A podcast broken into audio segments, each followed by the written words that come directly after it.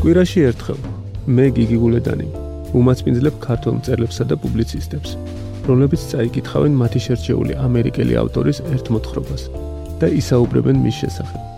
რადიო პოდკასტში ამერიკული მოთხრობა. ამერიკული მოთხრობა.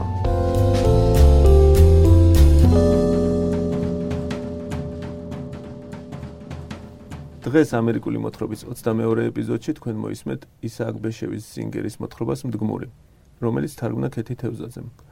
მოთხრობა დაიბეჭდა ჟურნალ არილის 2018 წლის სექტემბრის ნომერში. ჯერ კიდევ ლოცულობთ რებებერიში მიმართა მელნიკმა. დიახ, ვის მიმართავთ ლოცვისას? ღმერთს, რომელმაც შექმნა ჰიტლერი და იმდენი ძალაუფლება მისცა, რომ 6 მილიონი ებრაელი მოიკლა, ღმერთს, რომელმაც შექმნა სტალინი, რომელსაც 10 მილიონი ადამიანი ემსხვერპლა, რებებერიში, ნუ თუ თქვენი ფილაქტერიებით შემოქმედის გულის მოგება გსურთ, ის ხომ ნამდვილი ნაძირალა და პირწავარდნილი ანტისემიტია. ფუ, დაიღრიჯა რებებერიში. თავი დამანებეთ და აქედან გადით. დღევანდელი ეპიზოდისთვის ისაკ ბეშევის სინგერის მდგმური შეარჩია მწერალმა ივა ფეზუაშვილმა. ციგნისთვის ბუნკერი 2020-2022 წლებში ივა ფეზუაშვილმა მიიღო წინანდლის საბასა და ევროკავშირის ლიტერატურული პრემიები. გამარჯობა ივა. გამარჯობა. სანამ მოთხრობას წავიკითხავთ, მის ისტორიას შევეხოთ. როგორც ცნობილია, ისაკ ბეშევის სინგერის ეს მოთხრობა მისი სიკვდილის შემდეგ აღმოაჩინა მწერლის არქივის რედაქტორმა. ორიგინალი ტექსტი იდიშზე, ასევე მისი თარგმანიც, რომელიც ფურცლის ტიპისა და საბეშტი მანქანის მიხედვით 1950-იანების შუახნით დაათარიღეს. მოთხრობის ინგლისური ვარიანტი კი დაიბეჭდა ჟურნალ ნიუ-იორკერში 2018 წელს, ანუ ისაკ ბეშევის სინგერის გარდაცვალებიდან 27 წლის მერე. გასაგებია რამაც გამოიწვია ნიუ-იორკერის ინტერესი ამ მოთხრობის მიმართ ესა ნობელიანტი მწერლის სიკვდილის შემდგომ აღმოჩენილი მოთხრობა, მაგრამ საინტერესოა შენი აზრით ამ ყველაფრის გარდა კიდევ რითია ეს ტექსტი შესანიშნავი. მე რამაც ყველაზე მეტად მომხიბლო არის ის, რომ ორი რადიკალურად განსხვავებული ადამიანი საუბრობს ერთმანეთში და რაღაც მომენტში თუნდაც ტექსტს რომ მოშორდე და შენი რაღაცეებრო და შენო შეიძლება ერთი ადამიანის ფიქრებია და არც არავინ არ გადმოსულა მასთან მდგმური საცხოვრებლად და საკუთარ თავთან აქვს წინააღმდეგობა ან პირიქით მდგმური არის რეალური ადამიანი და მეორე ადამიანი მორწმუნე ადამიანია გამოგონილი.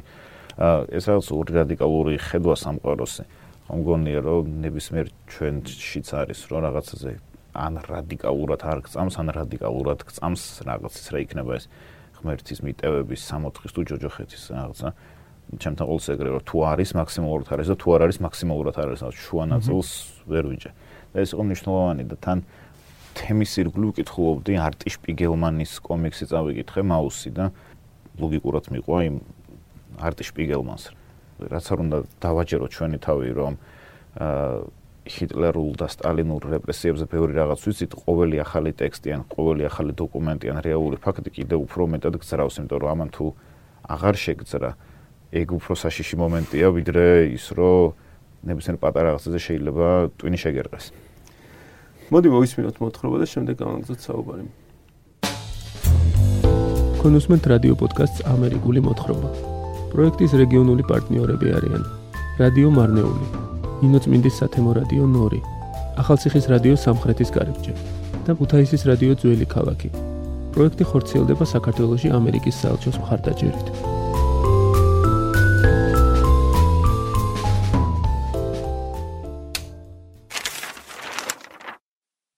მდგმური ისააკ ბეშევის სინგერი.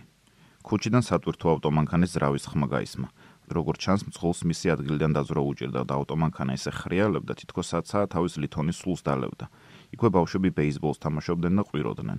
ღია ფანჯრიდან მონაბერმა სიონ ბენზინის ხახვის და ადრეული ზაფხულის სუნი შემოიტანა. ჭაღისრული ბუზები ირეოდნენ და ზუზუნებდნენ. ფანჯარაში პეპელა შემოფრინდა მაგიდაზე დაჯერდა ფრთები დაკეცა და დღემოკლე არსებობისთვის ჩვეული უდურტინოელი მორჩილებით გაიტრუნა რებებერიში ჩლაინერმა, რომელსაც სალოცავი შარფი და ფილაქტერიები ეკეთა, უკვე დაამთავრა ლოცვა, მაგრამ ახლა დამატებითი ლოცვებით მიმართავდა ღმერთს. ასე იქცევენ ხოლმე ძალზე ღვთისმოსავი ადამიანები და აგრეთვე ისინი, ვისაც ბევრი თავისუფალი დრო აქვს. თეთრწვერა და სახეღაჟღაჟა რებებერიში ხშირი წარბები ქონდა. თვალის უპეები შეშუპებოდა, მხოლოდ ორი წელი გასულიყო, მას შემდეგ რაც შეწყვიტა მუშაობა სამკეროლო ფაბრიკის საწარმოო ნარჩენებით ვაჭრობაში.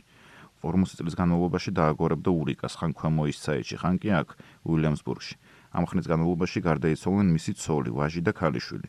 მეორე ქალიშვილი ქრისტიან ქმართან ერთად სადღაც კალიფორნიაში ცხოვრობდა. რებებერის არაფერი გააჩნდა პენსიის, სასოფლაოზე გამოყოფილი ადგილისა და ბინის გარდა.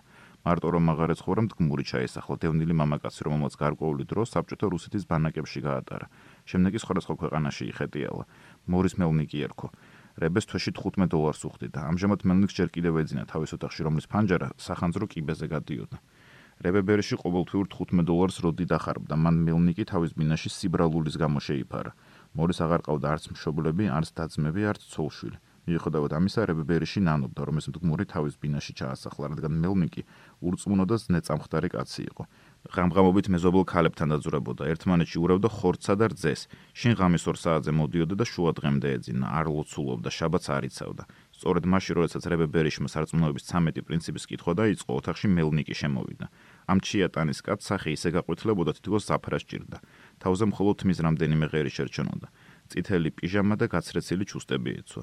წვერი ჯერ კიდევ არ გაეპარს და ჩაცუნი ლოყებზე შავი ჩრდილები ეფინა. სამკუთხა ნიკაპი და წვეტიანი ცხვირი ქონდა, პატარა თვალებზე ხშირი, დაფანჩული წარბები გადმოფენოდა. თქმური რებებერიშ ზღარბს აგონებდა. ჯერ კიდევ ლოცულობთ რებებერიშ მიმართა მელნიკმა. დიახ, ვის მიმართავთ ლოცვისას? ღმერთს, რომელმაც შექმნა ჰიტლერი და იმდენი ძალაუფლება მისცა, რომ 6 მილიონი ებრაელი მოიკლა, ღმერთს, რომელმაც შექმნა სტალინი, რომელსაც 10 მილიონი ადამიანი ემსხვერპლა, რებებერიში, ნუ თუ თქვენი ფილაქტერიებით შემოქმედის გულის მოგება გსურთ, ის ხომ ნამდვილი ნაძირალა და პირწავარდნილი ანტისემიტია. ფუ, დაიღრიჯა რებებერიში. თავი დამანებეთ და აქედან გადით. რამდენ ხანს უნდა ვემონოთ, რამდენ ხანს უნდა უგალობოთ ფსალმონები, განაგზობდა მელნიკი. ჩემი თვალით ნახე როგორ ჩააგდეს ებრაელი მისი სალოცავი შალითითა და ფილაქტერიებით თურთ საკანალიზაციო ორმოში. ზუსტად ასე მოხდა. რებებერის სახე კიდევ უფრო გაუწითლდა. წამსის სწრაფად წაიგითხა და ლოცვანი დახურა, მაგრამ საჩვენებელი თითი შიგ მოიყოლა, რათა მას შემდეგ, რაც მელნიქს პასუხს გასცემდა, ციგნი იმავე გვერდზე გადაეშალა. შემდეგ ამოიოხრა და წაიბუზღუნა. როდი შეწყვეტ ღვთის გმობას? მე ხომ არ გარიგებთ როგორ უნდა მოიქცეთ. თქვენს ნუცდილობთ ჭკუა მასწავლოთ იმის და მიუხედავად თუ რა ნახეთ და გადაიტანეთ, ღმერთი მაინც მოწყალია. უცნობია გზანი მისნი. ღვთის ცნობა რომ შეგვეძლოს მისი მსგავსნი ვიქნებოდეთ ჩვენ უბრალოდ შეგვიძლია ავირჩიოთ ღვთის გზას დავადგეთ თუ ეშმაკისას. ისინი ვინც ებრაელები ორმოში ჩააგდეს სამარდისო ჯოჯოხეთში მოხვდებიან ხოლო მისი ნეტარი სული დიდების ტახზე განისვენებს. სისულელე უაზრობა სად არის სული? არავითარი სული არ არსებობს რებებერში სული კაბინეტებში სხდომა უსაქმურება მოიგონეს. რუსეთში ცხოვრობდა უდიდესი მეცნიერი პროფესორი პავლოვი რომელმაც ძაღლს ტვინი ამოუღო და ვერავითარი სული ვერ ნახა. ტვინი მექანიზმი ესეთივე როგორც ავტომატი რომელშიც სამონეტას თუ ჩააგდებს სენდვიჩ გადმოგიგდებს შეიძლება მონეტების ნაცვლად ღილი ჩააგდო. ადამიანს ძაღლთან ავტომატად არებ, თუნდაც ცხონოდეთ მისტერ მელნიკ, მექანიზმი მექანიზმი, ადამიანი კი ღვთის ხატია. ღვთის ხატი. მოსკოვის ციხეში რაბინ ბლუნდოვთან ერთად ვიჯექი. 7 კვირის განმავლობაში ვიყავით ერთად და მთელი ამ ხნის განმავლობაში თორას კითხულობდა. ჰემოროია წუხებდა და როდესაც ქოთანზე ჯდებოდა სისხლის განიცლებოდა შუაღამისას აღვიძებდნენ და დასაკითხად გაყავდათ. მესმოდა როგორ ყვიროდა ხოლმე როდესაც ბრუნდებოდა ფეხზე დგომის ძალა აღარ ქონდა კამერაში შემოაგდებდნენ და იატაკზე ეცემოდა. როგორც შეგვეძლო ვასულიერებდით შვიდივე კვირის განმავლობაში აწამებდნენ. ერთ დღეს გაიყვანეს და დახვრიტეს. მე რეხთვის უსამართლობას უჩიოდა არა ბოლომდე არ უღალატი არწმენისთვის რებებერიში შეიჭმუხნა და შუბლი მოისრისა ხომ გითხარით თავისუფალი არჩევანის უფლება გვაქვს მეთქი ეს ნიშნავს რომ ბორო შეუძლია ნებისმიერი ბოროტება ჩაიდონოს თუ კი მოისურვებს. განამიწერი ხელისუფლებას თავისუფალ არჩევანს არ გვაძლევს. ყოველ განგსტერ შეუძლია ჩაიდინოს მკვლელობა, ქურდობა, ძარცვა, სანამ არ დაიჭერენ. მაგრამ როდესაც დაიჭერენ, შესაბამის სასჯელი მიეძღვება. ნაცისტებს შესაბამის სასჯელი არ მიეძღოთ რებებერიში. ომის შემდეგ მიუნხენში მოხვდი. ერთ ლუთხანაში ღორებივით გასიებული და სახეა წითლებული ნაცისტები ისხდნენ. ლუცვამდენ და ნაცისტურ სიმღერებს გაკიოდნენ. თან იმით ტრაბახობდნენ თუ რამდენი ებრაელი დაწვეს გაზის კამერებში ამოაღჭოს ან ცოცხლა დამარხეს და რამდენი ებრაელი ქალიშვილი გააუპატიურეს. ერთი მოგესმინათ როგორ ხარხარებდნენ ამერიკა მათ მილიარდობით დოლარს უგზავნეთ და ისინიც ბავარიული ლუდით იჭყებოდნენ და იქაურ ძეხს აყოლებდნენ. ლამის იყო მუცლები გასკდომოდა, როდესაც მიხვდნენ რომ ებრაელი ვიყავი, კინაღამი ქომამკლეს. ასეთ ადგილას როგორ მოხვდით? გერმანელი შეყვარებული მყავდა კონტრაბანდით ოქრო შევიტანე და იმ ქალთან ვმალავდი. მონაგებს ვიყოფდით, სხვა რამითაც ვაჭრობდით. ფუ, გერმანელებზე უკეთესი როდი ხართ. რა მექნა? ებრაელი ქალიშვილები არ მიკარებდნენ, თუ მაინც დაუახლოვდებოდი, იმდენს წუწუნებდნენ, რომ ყურები მიგუბდებოდა. ხოლოდ გათხოვება სულად მე კი ცოლი შერთო არ მინდოდა. გერმანელი გოგონები ყველაფერზე თანახმა იყვნენ. ამერიკული სიგარეტების სანაცვლოდ ჰიმლერის ქრივიც კი დაგიწვებოდათ. გაჩვენეთ, გთხოვთ ან ლოცვის საშუალება მომიცით, ან აქედან მიბრძანდით. ნუ მეჩხუბებით რებებერიში, მე თუ მკითხავთ შეგიძლიათ დილიდან საღამომდე ილოცოთ. თავი მოუქონოთ ღმერთს უთხარით როგორ დიადი და მოწყალი ის კი კიდევ ერთ ჰიტლერს გამოგვიგზავნის. ნიადაგი უკვე მზადდება ამერიკამ თვითფრენავები გადასცა ერთ შენ ერთ დღეს ატომურ ბომბსაც აჩუქებს. გერმანიის შეერაღება თქვენი გადასახადების ხარჯზე ხდება რებებერიში. ჭეშმარიტებაზე თვალი არ უნდა დახუჭოთ. რებებერიშმა წვერზე ხელი იტაცა. ეს სიცრუე თქო თქვენს ოთახში წადი და ლოცვის დამთავრება მაცალეთ. განაგზეთ, განაგზეთ, კაცი არ იყო თუ ხმა ამოვიღო. ლოცვის შემდეგ რებებერიშმა საუზმის მომზადება დაიწყო. სამზარეულოს გადახედა და ამოიოხრა. ექიმ აუგზალა ყველაფერი, რაც უყვარდა: მარილი, წიწაკა, მჟავე კომბოსტო, ბოლოკი, მდოგვი, ქაშაყი, მჟავე კიტრი, კარაქი და არაჟანიც კი. რა დარჩენოდა სოფლის ყველი, პური და ბასი ჩაი. შეეძლო ეჭამა ისპანახი და ყვავილოვანი კომბოსტო, მაგრამ ამ პროდუქტებს ვერ შეეჩვია. ამერიკაში ხილის კი განსხვავდებოდა გერმანული ხილისგან, თავისებური გემო ჰქონდა. მაგრამ არსებითაც საქმე ის იყო, რომ რებეს ცოლის ფეიგე მალკეს სიკვდილის შემდეგ ყველაფერმა აზრი დაკარგა. ძილმა დილს ადგომამ ძია სემისგან ჩეკის მიღებამ შაბათმა და უქმე დღეებმაც კი. ლებებერიში ხშირად ფიქრობდა, რომ აღარ უნდა დალაპარაკებოდა თავის მდგმურს, გაიძვერას, რომელიც გადატანილმა ჯოჯოხეთმა ცინიკოსად აქცია, მაგრამ მაგიდასთან მარტოდ მარტო ჯდომა უმძიმდა. ამჭირვეული და ანჩხლი მდგმურის მკვახე სიტყვები ხახვის პირშუშხას ნიურის ან ერთი ჭიქა არყის მაგივრობას ასრულებდა. მათი ზეგავლენით რებეს გული უფრო სწრაფად უძგერდა, სისხლი კი უფრო სწრაფად მიედინებოდა ზარღვებში. რებე ბერიშმა დაიძახა: "ჰეი, მისტერ მელნიკ, მოდით ჩაი დავლიოთ."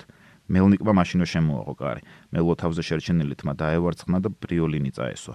ვარდისფერი პერანგი ეცვა, შავკოპლებიანი ყვითელი ჰალსტუხი ეკეთა, ხაგისფერი შარველი და სამხედრო ტიპის ფეხსაცმელი ეცვა. მარცხენა ხელის არათიძე ლალის ბეჭედი ეკეთა, მაჯოს კი ოქროს სამაჯურიანი საათი უმშვენებდა. პერანგის გული ჯიბეში სამი კალამი და ორი ვერცხლის ფანქარი ეწყო. პირის გაპარსვისა და ბანაობის შემდეგ უფრო გაახალგაზრდავებულიყო. რებებერიშმა გაუცებით შეავლო თვალი. მიირთვით რამე. ასეთი სუპრა ბანაკებში რომ გაეშალოთ უსიამოვნება არ აქცდებოდათ. ერთი ებრაელი კარტოფილის მოპარვის გამო მოკლეს.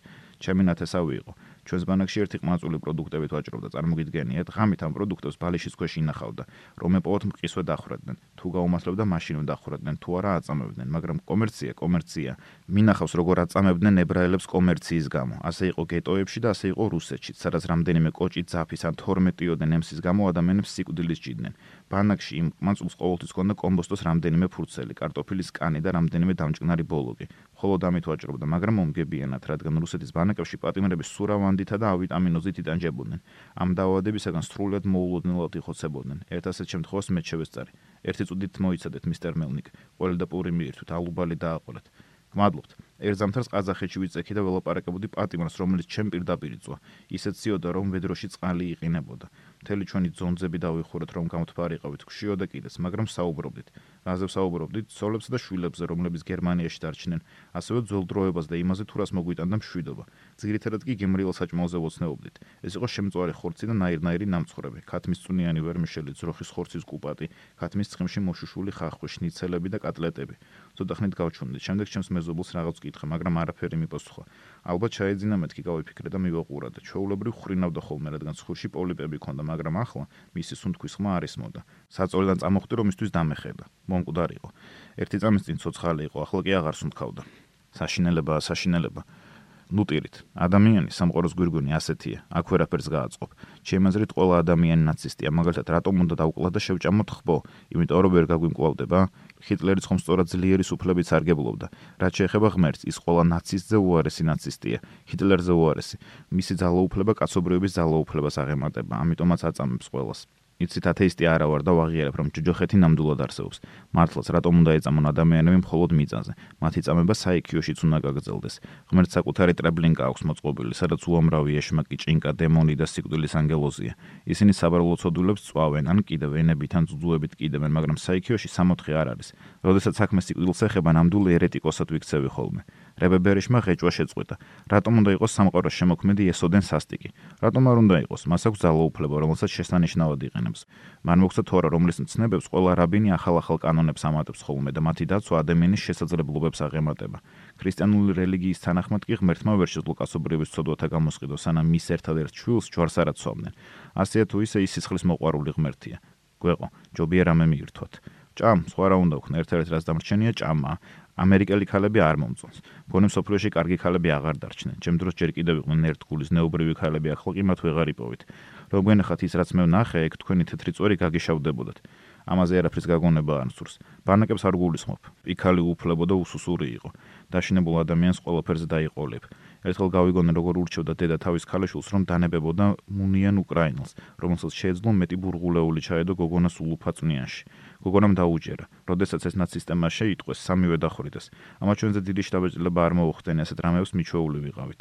უარესიც მინახავს, მაგრამ განთავისუფლების შემდეგ, როდესაც არავინ არაფერს გვაიძულებდა, ადამიანები დიდად როდი შეიცვალნენ. ერთ ოთახში სამოჯახს გვეძინა, ერთ კუთხეში ქალი გლეხკასთან კოტრიალობდა, მეორე კუთხეში კი მისი და იმავეს ჩადიოდა. სირცხულის გნობა დაკარგული ჰქონდათ. ტილებს ერთად იცილებდნენ და გარყვნილებასაც ერთად ეწაოდნენ. აღარ გაჩუნდებით, უკანასკნელად გაფრთხილებთ. სიმართლის გეშინიათ? ეს სიმართლე არა, ცოდვა ქაფს გავს, როდესაც ჭიქაში ლუცა ასხამ დგონეთ, რომ ჭიქა სავსეა, მაგრამ მისი 2/3 ქაფია. როდესაც ქაფი ქრება, ლუდი ჭიქის 1/3 ავსებს მხოლოდ. იგივე შეეხება ცოდვებს. ისინი ბუშტები ვიწყდება. კარგი ნათქვამია, თქვენი აზრია? ეს ჩვენი რაბინისგან გავიგონე. კარგად უთქოს, მაგრამ ჩემი აზრით ყველაფერი გარყვნილება, სისაძაგლია, ყველაფერი ცოდვაა, ცოდვების და გარყვნილების გარდა რეალური არაფერია. თქვენი რაბინიც გარყვნილი და ცოდვილია, წვერის, კიკინების და ფოჩენი ტანსაცმლის მიუხედავად ჩაულებრივი ადამიანია და ქალები უყარს. ლამაზი ცოლი რომ არ ყავდეს, მეძავებს ესტუმრებოდა. არამზადა, ისრაელის მოვალატე. არ ვამბობ რომ წმინდანი ვარ მეთქი. შეძლებს დაგვარად ღირსეულად ვიქცევი.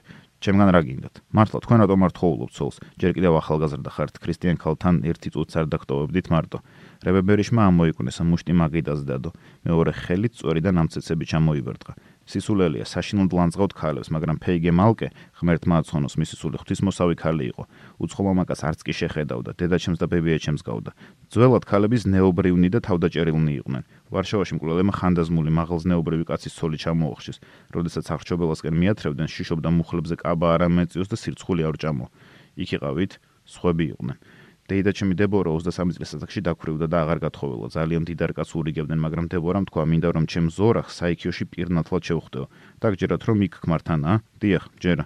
იქ არ ზორახია და არც დებორა, მათგან მტრის გარდა არაფერი დარჩა. ამაოდი ტანჯა, აი ამას გეუბნებით მე, მორის მელნიკი, ჩვენს ქალაქში ცხოვრობდა მდიდარი კაცი, სწავლული, რებეზადოგი. როდესაც გარდაიცვალა, ცოლს დიძალი ქონება დაუტოვა. ნახევარი წლის შემდეგ ხალი ცოლად გაყვა უსწავლელ ყასაბს. სახელად ჩესკელს კაფს, ყასაბის ჯირკი მოეწონა. ყველაფერი ხდება ხოლმე ყოველგვარი სისაძაგლე მორის მელნიკი გაჩუნდა ჩაის კოვზე აიღო და შეეცადა თეფშის კიდეზე სწორად დაედო კოვზის ტარი ძირს გადაიხარა მელნიკმა კოვზის შაღრმავებულ ნაწილზე ცოტაოდენი მარილი დააყარა რომ კოვზი გაეწონა სწორებინა ქვედატუჩი მოიკვნიდა. შემდეგ ცალი თვალი ფართო დაჭყიდა, მეორე კი მოჭუდა. თითქოს კოვს თვალს უკრავდა, როგორც ჩანს, იმას კოვზი მაგიდაზე ტარით დავარდებოდა თუ ჩაღრმავებული ნაწილით, მელნიკი სამყაროს მომავლის მომასწავებელ ნიშნად მიიჩნევდა. რებებერიშმა ხელი ჩაავლო თავის წვერს და დააკვირდა. თითქოს სურდა დარწმუნებულიყო რომ წვერი ჯერ კიდევ თეთრი იყო. შემდეგ კი თქვა განაიცის მატყლმა რომელიც ნაგავში იკლაკნება რომ არსებობს სასახლეები და წალკოტები ანდაზე გვეუბნება კედელზე მიმავალი რწყილი მეჯლიზე როდი მიდისო. თქვენ მიწის შესახებ ლაპარაკობთ მაგრამ არსებობს ზეცა ვარსკვლავები თანავარსკვლავედები არსებობენ ანგელოზები სერაფიმები ქერუბიმები ღვთის უზარმაზარი ეტლები. მათთან შედარებით ჩვენი სამყარო ქვიშის მარცვლის ოდენა ან კიდევ უფრო უმნიშვნელო ზომის. მაგრამ ტალახშიც კი შეიძლება ალმასი აღმოაჩინოთ თელამ სიბინძურებთან ერთად არსებობენ ბალშემი, რაბინი ელიმელექი, ბერდიჩევერი, კოცკერი. ბაბუაჩემი, რებეხაიმი წმინდა კაცი იყო. 50 წლის განმავლობაში ყოველ ორშაბათს და ხუთშაბათს მარხვას იცავდა. ზამთარ ზაფხულ ყოველ ღამე დგებოდა, რათა ტაძრის დანგრევა ეგლოვა. უკანასკნელი პენი საქველმოქმედო საქმეებს დაახარჯა, ესაკუთარი თვალით ვიხილე. რებე ბერიშმა ფოჩიანი ტანსაცმლით შემოსულ მკერდზე მუშტი დაიბრაგუნა. ცდებით მისტერ მელნიკ, დასძინა მან, თუმცა ძნელია განსაჯო ადამიანი, რომელსაც ამდენი განსაცდელი გადაიტანა. ვილოცებ. მან ჭიქა აიღო, წყალი დაიბკურა ხელებს და სუფრას გადაუსვა. შემდეგ ღმერთ შეღაღადა. მართალი ხარ უფალო და ყოველი შენი საქმე და ყოველი შენი გზა მოწყალებაა და ჭეშმარიტება. ჭეშმარიტი და მართალი სიმართლით ში უკუნისამდე. იმავ წულს პატარა კოვზი თებში ჩავარდა. მორის მელნიქს გაეცინა, წამოდგა, კართან მივიდა და ჩაილაპარაკა. ახლა კი წავალდა ვნახავ რა შვებიან ქალები. კონუსმენტ რადიო პოდკასტს ამერიკული მოთხრობა. პროექტის რეგიონული პარტნიორები არიან რადიო მარნეული, ინოცმინდის სათემო რადიო ნორი, ახალციხის რადიო სამხრეთის კარიბჭე და ქუთაისის რადიო ძველი ქალაქი. პროექტი ხორციელდება საქართველოსი ამერიკის საელჩოს მხარდაჭერით.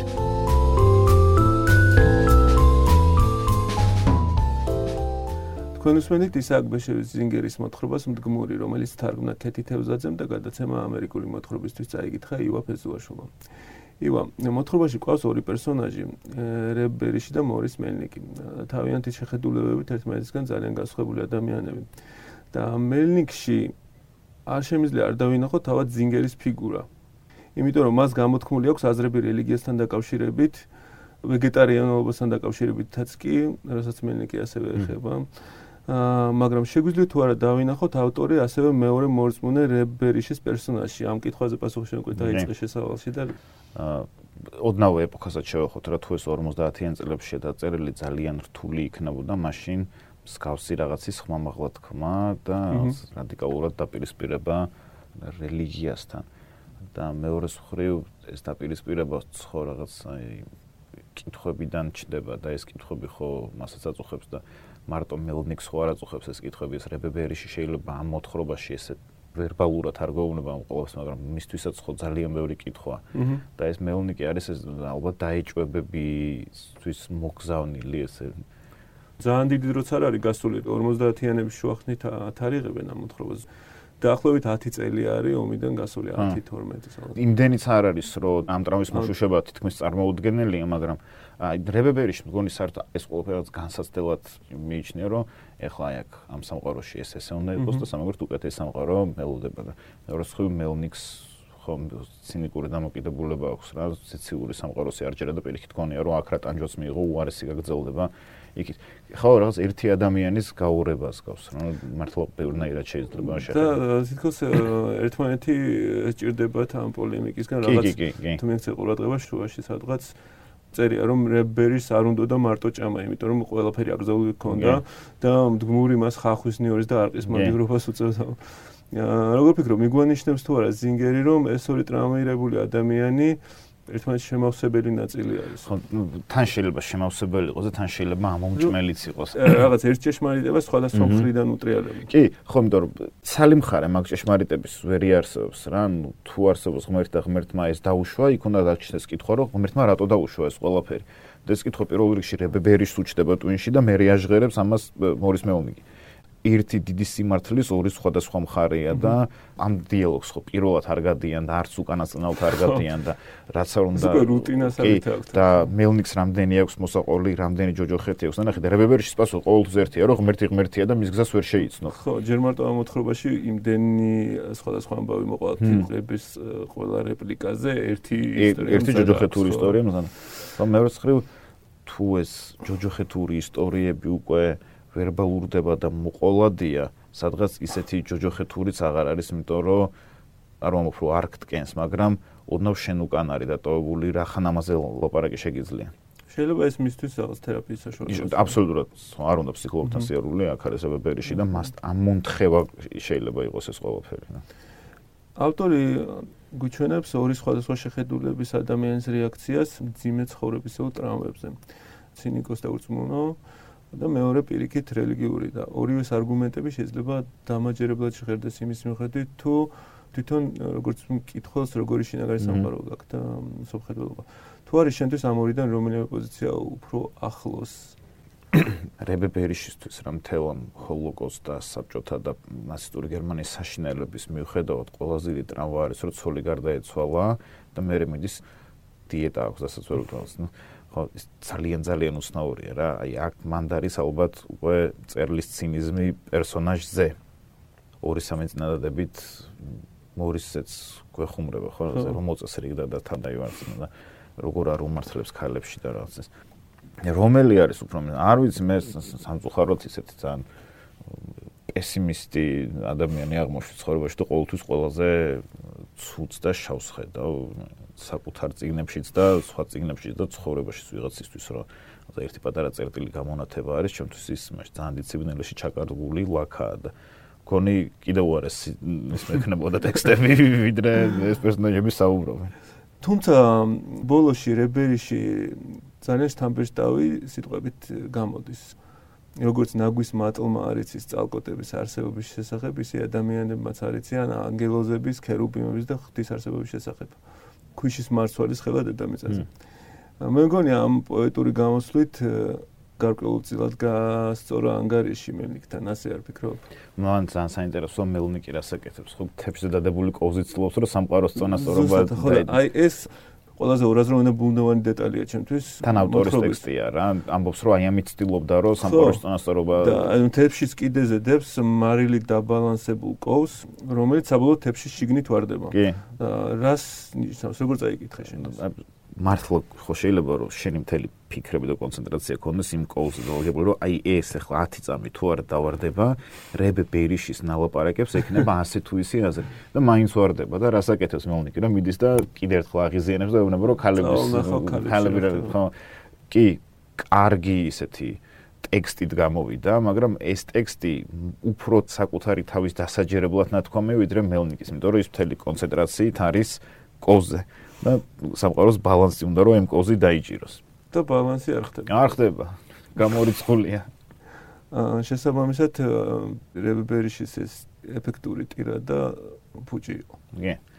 რო არ ვიცით ქერუბიმების და სერუბიმების და სეციური დელების შესახებ აქეთ გვაქვს ადამიანი რომელიც დანგრეულია და ზუსტად იცის რაც იცის და აქეთ არის ხმა აი ახლა მაგაში მეც გავიჭედე რომ ის რწმენა თუ არ არის მაშინ არც იმ კოუზით ბალანსის დაცვას არ არის ჩემთვის ეს რაც ბოლოში რებერიშმა თქვა ძალიან ვალიდურია და ანგარიშგასაწევი ხო რაცა თუ ეგ ოდნავ რწმენა არ დაიტოვე მართლა გამოდის რომ მართლა ბოროტებამ გამოიმარჯვა, იმიტომ რომ ამ ბოროტებამ დაასახიჩრა ერთი თაობა, რომელიც აუცილებლად დაასახიჩრებს მეორეს. გონი სწორედ ამაზეა ეს მოთხრობა. ხო, მაშინ ლოგიკა არ ექნება რა. მართლა არანაირი ლოგიკა არ აქვს, როგორ შეიძლება რომ ერთი რასა და ერი ამოირჩიო და ამას ებრძოლო და გაწყვიტო, ხო ეს ხო ალოგიკური ბოროტებაა რა, მაგის თხეონდელი ეკვივალენტი არის ყველაზე გაუმართლებელი ომი, რაც ალბათ მსოფლიო ისტორიაში მოხდა, რუსეთი, რასაც უკრაინა შეეკეთებს, ხო? რატომ ოფრინავს კასეტური ბომბი და რატო ხდება ეს მაინც და მაინც ჩემ корпуს. და ალბათ ხო ვალიდურია რა რებებერი შეიძლება რა აუცილებელი, თორე სხვანაირად შეიძლება რომ არა ეგ ტექსტი და რო არა ის დავარდნილი კოლზი მაშინ მელნიკის საერთოდ ვერ გასულიყო იმ დღეს ქალებში და ქალებში ხო დიდი მადლობა ივო დიდი მადლობა თქვენ თქვენს მენით რადიო პოდკასტ ამერიკული მოთხრობის 22 ეპიზოდს. ივა ფეზუაშვილმა ჩვენთვის წაიკითხა ისააკ ბეშევის სინგერის მოთხრობა მთქმური.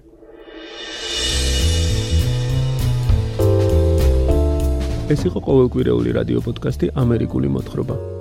აგვიზიარეთ თქვენი მოსაზრებები რადიო თავისუფლების ინტერნეტ პორტალსა და სხვა მითითებულ სოციალურ პლატფორმებზე. მე გიგი გულედანი ვარ.